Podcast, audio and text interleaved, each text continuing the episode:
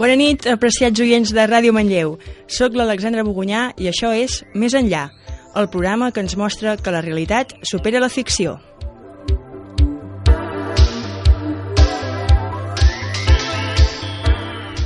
Tal com vam comentar en el programa anterior, avui seguirem parlant dels somnis. Vam parlar dels somnis premonitoris i vam poder escoltar tres històries molt interessants explicades pels nostres oients. En el programa d'avui acabarem d'aprofundir més en els somnis premonitoris i també tractarem altres aspectes relacionats, com la paràlisi del son o el somnambulisme.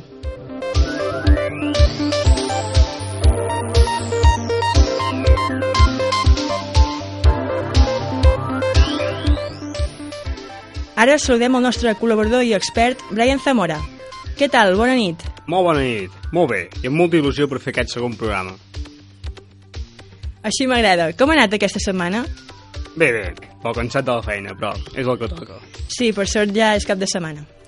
Bé, abans de començar, us recordo que si teniu alguna experiència personal sobre algun fenomen paranormal, ens la podeu explicar de manera anònima al correu contacte arroba radiomanlleu.cat.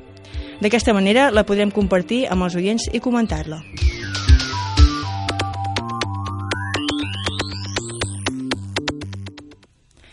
En el, primer, en el primer programa vam explicar els somnis premonitoris, però per la gent que no ens va poder escoltar o simplement per refrescar-nos la memòria, Brian, com els definiries?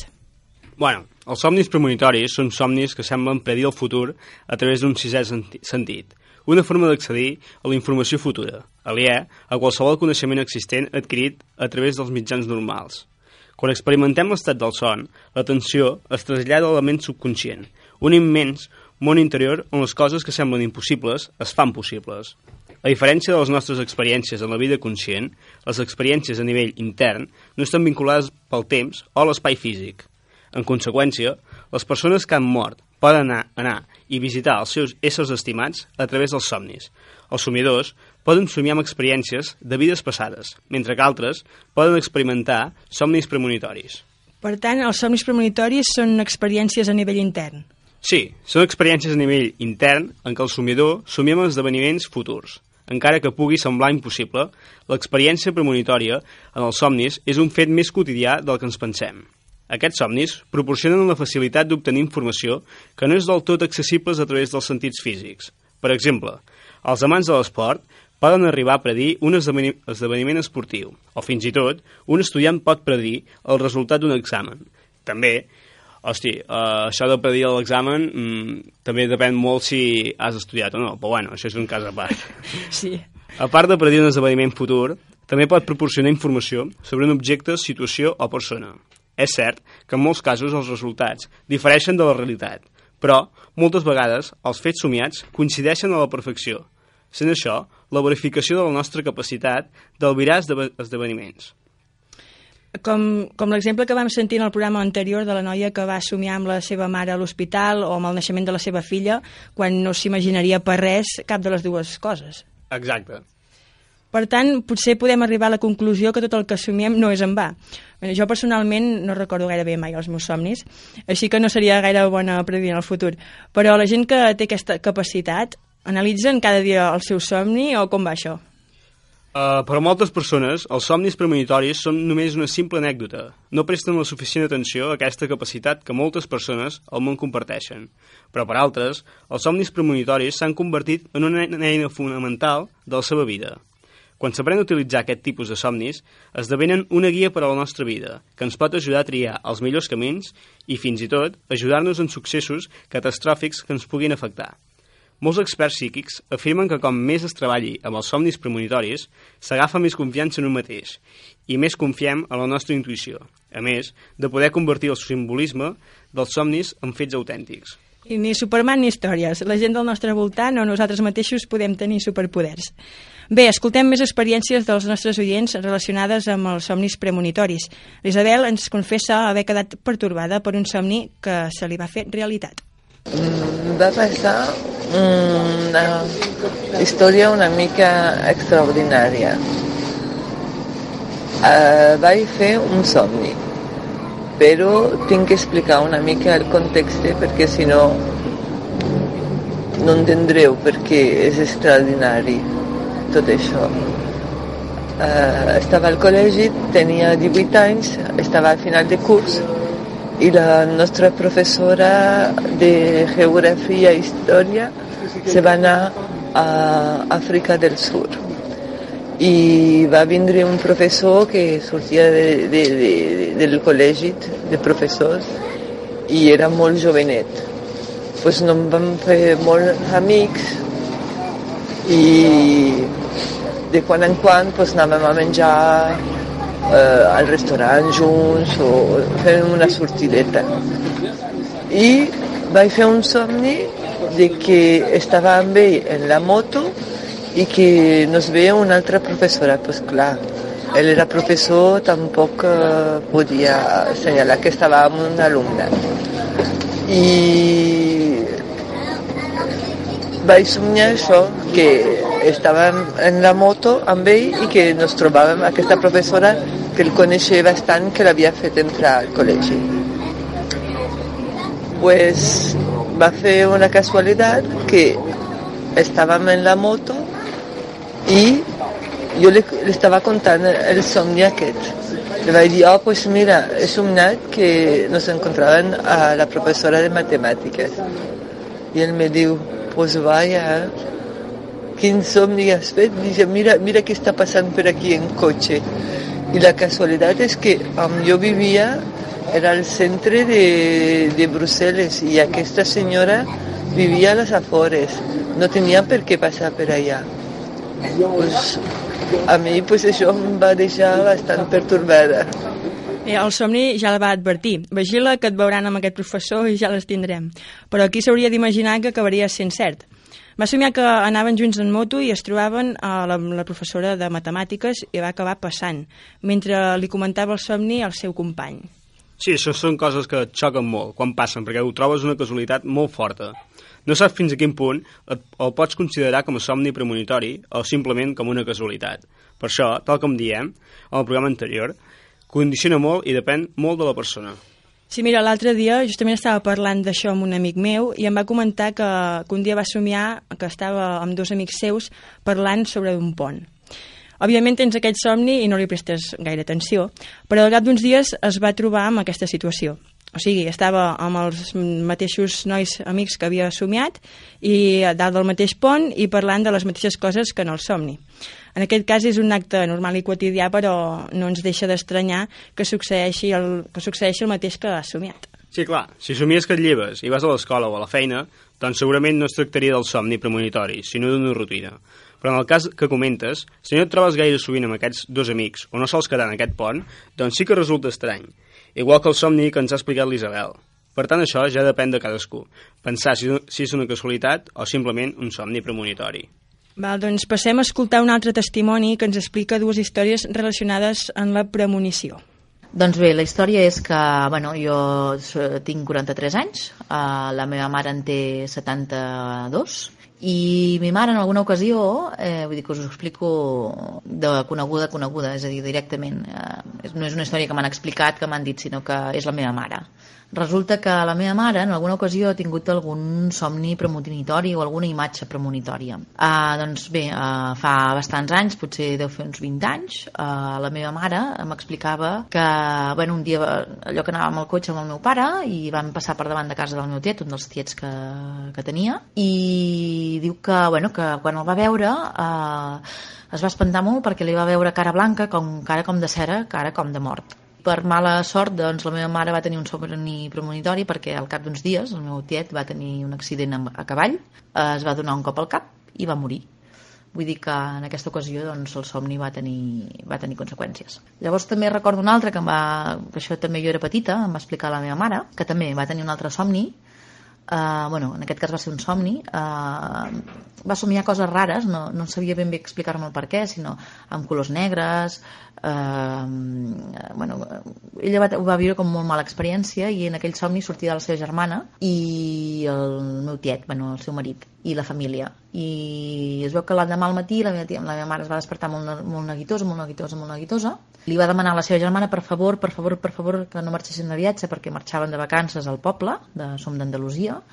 I li va demanar que per favor, per favor no marxessin perquè bueno, havia tingut com un mal son i que, i que veia coses rares i que, i que per favor que no marxés. I resulta que, bueno, la meva tieta no, evidentment no li va fer cas, no se la va creure, van marxar i van tenir un accident de cotxe Eh, una de les rodes del cotxe els hi va, se'ls hi va sortir del... Bueno, va, es va sortir i va, bueno, va marxar, la roda va marxar del cotxe, es va, es va desmuntar, però en aquest cas no va anar més enllà, és a dir, simplement van tenir aquest accident, el meu tiet va poder més o menys com parar el cotxe a l'autopista i en aquest cas no va passar res, però en el cotxe hi anava el meu tiet, la meva tieta i els meus tres cosins.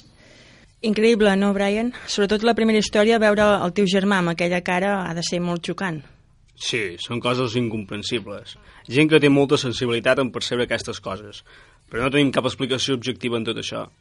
A part de que, hòstia, mm, poder veure una altra persona que té aquesta, aquesta cara així com de mort i després que al cap dels dies es mori, deu ser una mica... Mm, bueno, una mica no, massa xocant i això després de a la segona, el segon cop que em passi el tercer ja m'espantaria, perquè clar, si tinc aquesta aquest, aquest sisè sentit de poder saber qui es morirà i qui no, hòstia, és com dir, és com augurar la mort d'algú i no té pas, no és pas res positiu.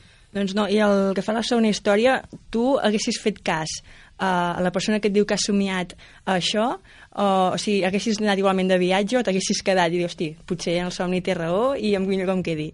Depèn dels ante antecedents d'aquesta persona, en plan, si potser el primer cop ja ho has brinat, Sí, però si és el primer cop pensaria, bé, mm, què, què, què m'has de dir tu a mi? Però clar, si ja, jo què sé, ha vist algun somni i ja ha passat a la vida real, m'ho pensaria un altre cop. Molt però... bé.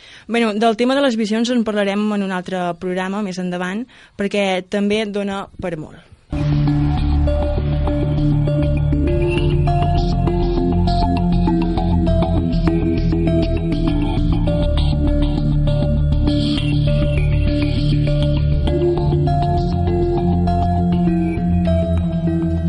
Continuem parlant dels somnis, però ara deixem de banda els premonitoris.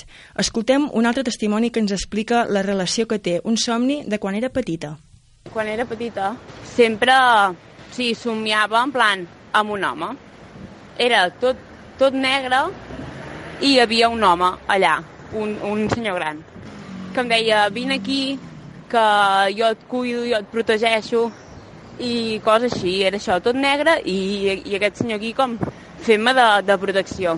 I vaig estar molt temps somiant amb això i, i un dia mirant fotos i tal vaig veure que aquest senyor amb el qual jo somiava resulta que era el meu avi, que el meu avi es va morir quan jo vaig néixer i resulta que era ell. Brian, els morts es poden introduir dins del teu somni? Sí, sí que es poden introduir, en el teu subconscient. És a dir, quan tu coneixes una persona que s'ha mort, es, es pot somiar amb ell, amb ell fàcilment com un record, però en el cas que no el coneguis, la persona que apareix al somni ja és més complicat de demostrar. En el cas d'aquesta noia, el raonament científic podria dir que, que, que va veure l'avi en alguna foto, sense que ella conscientment se'n recordés, i només ho recorda quan dorm, perquè és quan tens contacte amb el subconscient. Però si verdaderament no l'havia vist mai, abans, i somia que li diu aquestes coses, això ja no, ja no ho puc justificar. A més a més, aquesta història va més enllà. Quan estava per casa i hi havia doncs, el lavabo amb la porta oberta, miralls, jo veia com una sombra negra que passava pel mirall quan estava allà, però no, no era allò com una sombra fixa, sinó que es movia. I, evidentment, allà no hi havia res que es mogués. Amb la qual, amb la primera història que, que he explicat, jo vaig com fer associar que aquella sombra, arran dels somnis, doncs, poder era el meu avi, eh, que m'intentava protegir o que em feia d'àngel de la guàrdia o no sé, alguna cosa així. Bueno, ella en aquest cas relaciona l'ombra, el somni, com, el, com si fos el seu avi que el vol protegir, però clar, es pot interpretar de dues maneres. Si no saps qui és, pots pensar que és algú dolent, però si ja has vist que és el teu avi, ja directament penses que és algú positiu, o vols pensar que és algú positiu. Bé, deixem aquesta història tan interessant en stand-by i la seguirem i la tractarem la setmana que ve quan parlem de les presències. Continuem en el tema del son i ara anem a parlar del somnambulisme. Més o menys tothom sap què és o coneix algú que ho té. Um, però, Brian, com ens el definiries tu? El sonambulisme és un trastorn del son ca- caracteritzat per conductes o esdeveniments anormals, associades al son, a les seves fases o als moments de transició. Es sol caracter- caracteritzar per l'aparició de comportaments motors, repetits i automàtics, que s'inicien durant el son i fan que la persona s'aixequi del llit i comenci a caminar. Durant aquest, aquests episodis es produeix una disminució de l'estat de vigília i de la resposta als estímuls. El sonàmbul té la mirada fixa i perduda i mostra una absència relativa de resposta al diàleg o als esforços que en els altres realitzen per despertar-lo. I llavors, eh, què passa quan es desperta? Si aconsegueix despertar durant l'episodi, o bé, en aixecar-se al matí, no pot recordar el succeït amb claretat. La majoria dels comportaments que es intervenen en els episodis de sonambulisme són de caràcter rutinari i poc complexos. Poden acabar amb un despertar sobtat i espontani, el qual segueixen períodes de confusió. I també pot succeir que els sonàmbuls tornin al llit i continuïn dormint com si no hagués passat res. I això té alguna raó de ser? És a dir, per què hi ha gent sonàmbula i d'altra no? És genètic o jo al cap de, dels anys m'hi puc convertir? Home, convertir, hosti, no, no, no és un zombi per convertir-te, però bueno. El sonambulisme té una presència familiar, ja que el 80% dels sonàmbuls presenta, presenta antecedents familiars d'aquest trastorn, o de terrors nocturns, i aproximadament entre un 10 i un 20% compta amb algun familiar de primer grau, pare o mare, que pateix sonambulisme. S'ha suggerit l'existència de factors genètics, encara que es desconeix el mecanisme exacte de transmissió. I en quina edat et ve? O és un aspecte vitalici?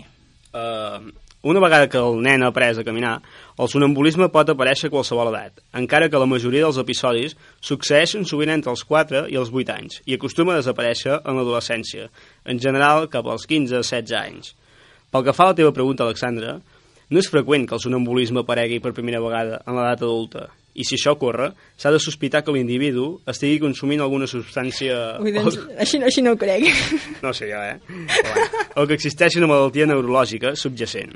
El sonambulisme en els adults és en general crònic i es presenta alts i baixos. També s'ha de tenir present que poden aparèixer episodis de sonambulisme de caràcter aïllat, a qualsevol edat, però el més freqüent és que es repeteixin durant diversos anys. I es pot conviure amb normalitat amb una persona sonàmbula? M'explico. Tot això que es diu eh, que en casos extrems s'ha de tancar la porta a la finestra perquè es poden autolesionar eh, o que si el despertes de sobte pot morir... Això de que si es desperta de sobte pot morir, diguem que és una llegenda urbana, bàsicament. Perquè el fet de despertar un sonàmbul no li provoca cap infart, com s'havia dit. Però també és cert que una persona sonàmbula, en despertar i trobar-se en un lloc estrany i envoltat possiblement de persones que se'l miren, se sentiria confusa i la seva reacció dependrà del seu despertar. Clar. Per altra banda, és necessari, és necessari, tant si la persona és adulta com si és un infant, vetllar per la seva seguretat, ja que encara que no ho sembli, una casa pot estar plena de perills. Caure per les escales, despertar abraçada al conducte de l'estufa de llinya, eh, sortir al carrer en plena nit, pujar sobre una cadira, estar a punt de caure per la finestra, són algunes de les coses que poden passar. La casa està plena de perills. Totalment. Així que, en cas de conviure amb sonàmbuls, és convenient prendre mesures com tancar la porta amb clau i guardar-la, tancar el gas de la cuina, posar, posar reixes a les finestres, posar una barana, o l'impediment a la boca de les escales, etc. per evitar- per evitar-nos mals de caps. I tens algun consell per controlar el sonambulisme? Uh, sovint, els nervis i l'estrès i les preocupacions poden ser elements que provoquin episodis de sonambulisme. Anar a dormir al llit a la mateixa hora i dormir cap a 7 o 8 hores, com a mínim cada dia, pot ajudar a afavorir-ne la desaparició. Brian, i a tu t'ha passat alguna cosa semblant o a la teva família? A veure, mm, jo sóc sonàmbul, ma germana és sonàmbula, ma mare també és sonàmbula... En sèrio? No sabia pas, això, jo. Sí, i diguem que... Tu, tu ets l'exemple de que és genètic, llavors. Bàsicament, sí, perquè ma mare no és tan greu, o diguem que amb els anys uh, li ha baixat uh, el tema de que sigui més greu, o no? Uh -huh. Però jo, per exemple, amb hòstia, 10 o 11 anys, per exemple, un dia ma mare em va pillar uh, a la finestra, amb mig cos cap a fora, Què dius ara? I estava... O sigui, jo no me'n recordo d'allò, però ma mare m'ho ha explicat de que es va espantar moltíssim perquè tenia la finestra oberta Com per no espantar-se. i vivia en un tercer pis i mig cos Ja. fora, o sigui... I clar, ja després em va portar cap al llit i, bueno, em va tranquil·litzar, però... Hosti, És molt perillós, molt perillós, sí, sí. Sí, ja, la meva mare també ja està acostumada a aquest tipus de coses, perquè la meva germana també és sonàmbula, Uh -huh. i, per exemple, es pot llevar a les 3 del matí, començar a xerrar i, i dir coses però sense, sentit, en Llavors, plan... o sigui, el, el sonàmbul, a part de, de caminar i, i afectar així més motors físics, també és, la, la parla... Si tu parles dormint, ets, vol dir que ets sonàmbul o com va això? Uh, jo, jo també parlo dormint, ma germana també parla dormint i ma mare també. I, per exemple, uh, jo amb la meva parella, per exemple, uh, hi ha nits que començo a parlar-li, Sí. Però com ja sap que sempre li parlo i que no, no té cap sentit i que no li vull dir res al final, ja no em fa cas. És en plan, al principi sí que s'espantava o m'escoltava, però ara és en plan, ja passa de mi i em deixa fer la meva. I, I es diuen coses sense sentit. O com... Sí, hi ha cops que es pot mantenir una conversa, però jo què sé, el que sé, i hi ha coses que me'n recordo, eh? Però molt poc, en plan mm, de que estic parlant i com que em canso de parlar i torno a dormir. Jo què sé, estic parlant, tinc una conversa i al final dic, bé, i m'enfado o alguna cosa i torno a dormir. Però... Curiós tot plegat, molt curiós. I a casa, per exemple, també el que es fa és que es tanca la porta amb clau. Per mi i per ma germana, perquè per algun dia podem marxar i no tornar, però no sé. I ens fiquen la clau i no... Bàsicament no ens deixen sortir, però bueno. Però, I després, quan vols sortir, què? Jo, jo, és que, a, veure, a veure, la qüestió és que jo tinc les claus al costat de la porta, les meves claus. Però clar, jo imagino que sonàmbul no seria capaç de ficar Vale, la clau vale, al vale. pany i obrir. Vale, Però bueno, vale. no sé, esperem que Bueno, molt, molt interessant. Bé, continuem.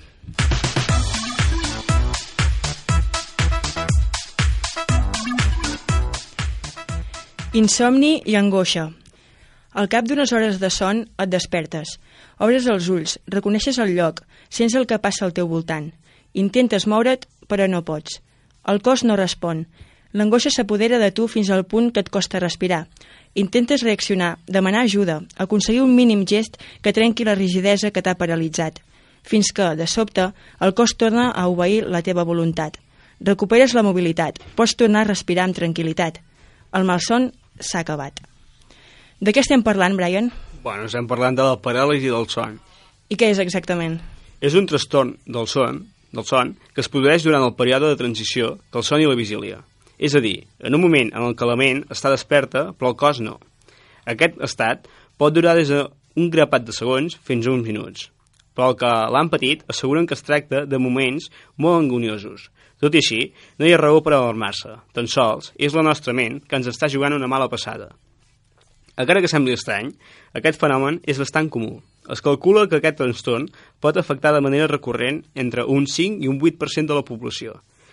En la variant esporàdica pot manifestar-se en un percentatge superior al 50%. És a dir, segons s'apunten les estadístiques, tots podem patir-lo en un moment o altre de la nostra vida. Un fenomen que, segons apunten estudis recents, afecta amb més intensitat als estudiants. Ja anem a escoltar un testimoniatge d'un oient i del seu gos. Estic com al llit, però estic amb els ulls oberts, però en realitat els tinc tancats i no sé, a vegades que, que m'apreten contra el coixí, a vegades com si algú em cridés, però ningú em crida, després pregunto a algú, m'ha cridat algú?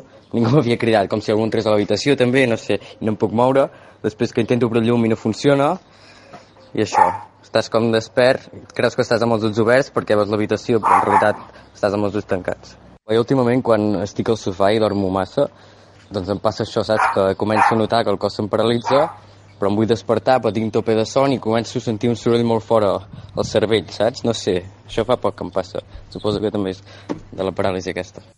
Això quan passa i per què? Aquest fenomen ha sigut estudiat des de diverses disciplines i enfocaments metodològics. Tot i així, avui dia no hi ha un consens científic clar sobre el per què d'aquest trastorn. La hipòtesi més acceptada té a veure amb un trastorn de la fase REM, que produeix una superposició del son profund i la vigília.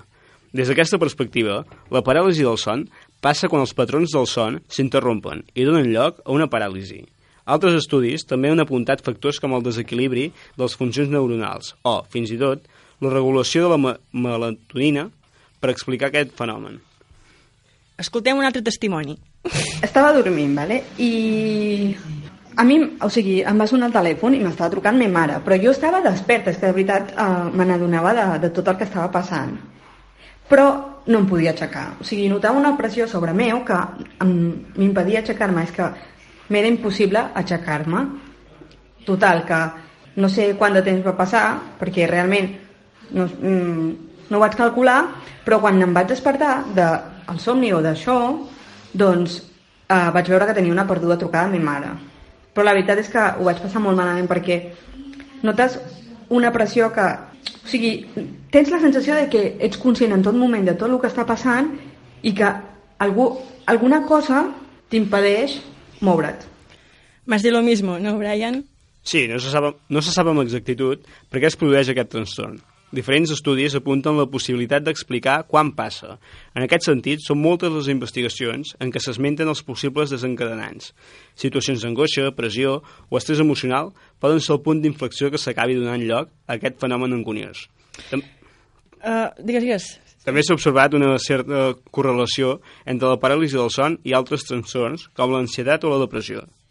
Escoltem l'últim testimoni que tenim sobre la paràlisi del son. Aquest, però, Donde va, estava, jo, donde estava jo a l'habitació... va més enllà. I doncs em vaig agitar al llit, no?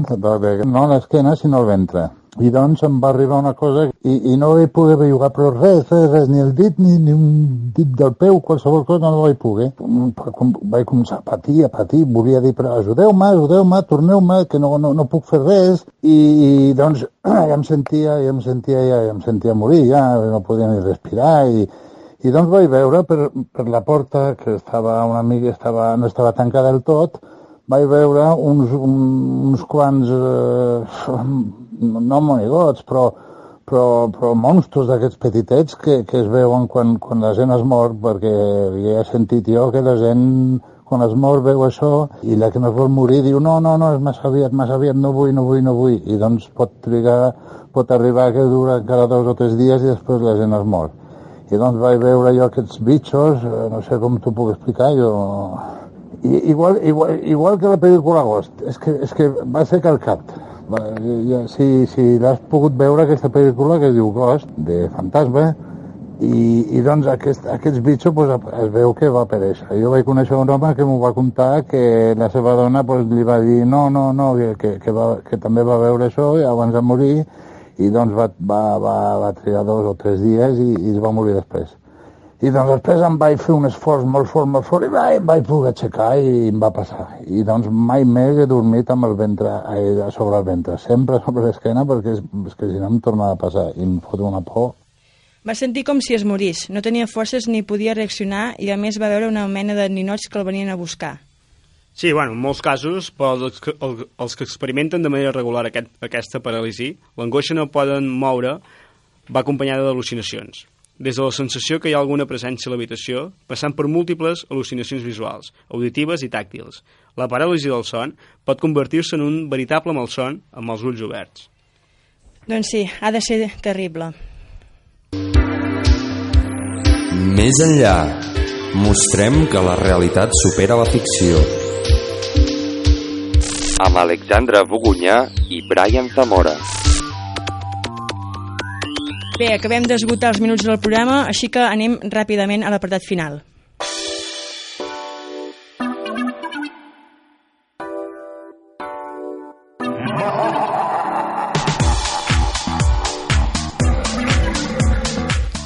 Ja sabeu que aquest és l'apartat de la recomanació. I avui, parlant sobre la paràlisi del son, ens portes un documental, no, Brian? Exacte, Alexandra. Històricament aquest trastorn ha estat relacionat amb fenòmens paranormals, com les posicions amoníaques o fins i tot raptes extraterrestres. És per això que en la cultura popular podem trobar moltes descripcions d'aquests trastorns, associades amb el món del que és desconegut. Aquestes mateixes narracions han donat peu a una gran quantitat de pel·lícules i documentals en què es descriuen episodis de paràlisi del son. El documental que recomano avui n'és un exemple. Es titula The Nightmare. És un documental de Netflix en el que es descriu d'aquesta experiència. I de què més ens pots informar? Bueno, és un documental nord-americà del 2015 dirigit per Rodney Asher i es va estrenar al Festival de Sundance. El mateix Asher va comentar haver patit aquest trastorn en el passat i per això va decidir tractar aquest tema. I com es va realitzar aquest documental? L'equip tècnic va estar buscant participants via YouTube, mitjançant vídeos i missatges de grup, a part de llegir mitja, mitja dotzena de llibres per documentar-se. déu nhi sembla molt interessant, sí. Però per què ens recomanes aquest i no un altre? Penso que està molt ben fet. A més, són exemples verdaders, com els nostres testimonis que ens expliquen les seves experiències personals i fa que sigui molt més realista i et posis a la pell de l'altre, tot i que ho enfoquen des d'una visió més terrorífica. És a dir, que han fet un documental més cinematogràfic que pròpiament informatiu. Bé, s'ha fet molta recerca d'informació i de testimonis com en un, un documental, però sí que està gravada com una pel·lícula de por. I el documental mostra les sensacions que ha tingut la persona, també? Sí, sí, la gent expressa el que ha viscut i sentit en primera persona. Per això, en aquest cas, et crea més sensació de por, o més preguntes i misteri que una pel·lícula de terror normal, perquè saps que ho han viscut testimonis reals. Doncs si fa gaire por, no sé si seria el documental ideal per veure abans d'anar-te'n a dormir, eh? Jo crec que no, eh?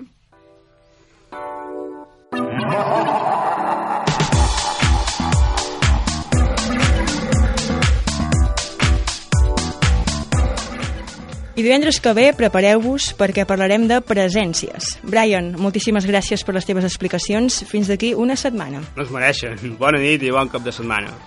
Doncs nosaltres ho deixem aquí. Recordem que aquest programa s'emet cada divendres a les 10 de la nit, es reemet dissabte a les 11, a la nit també, i a més també tindreu el podcast penjat a l'e-box de Ràdio Manlleu.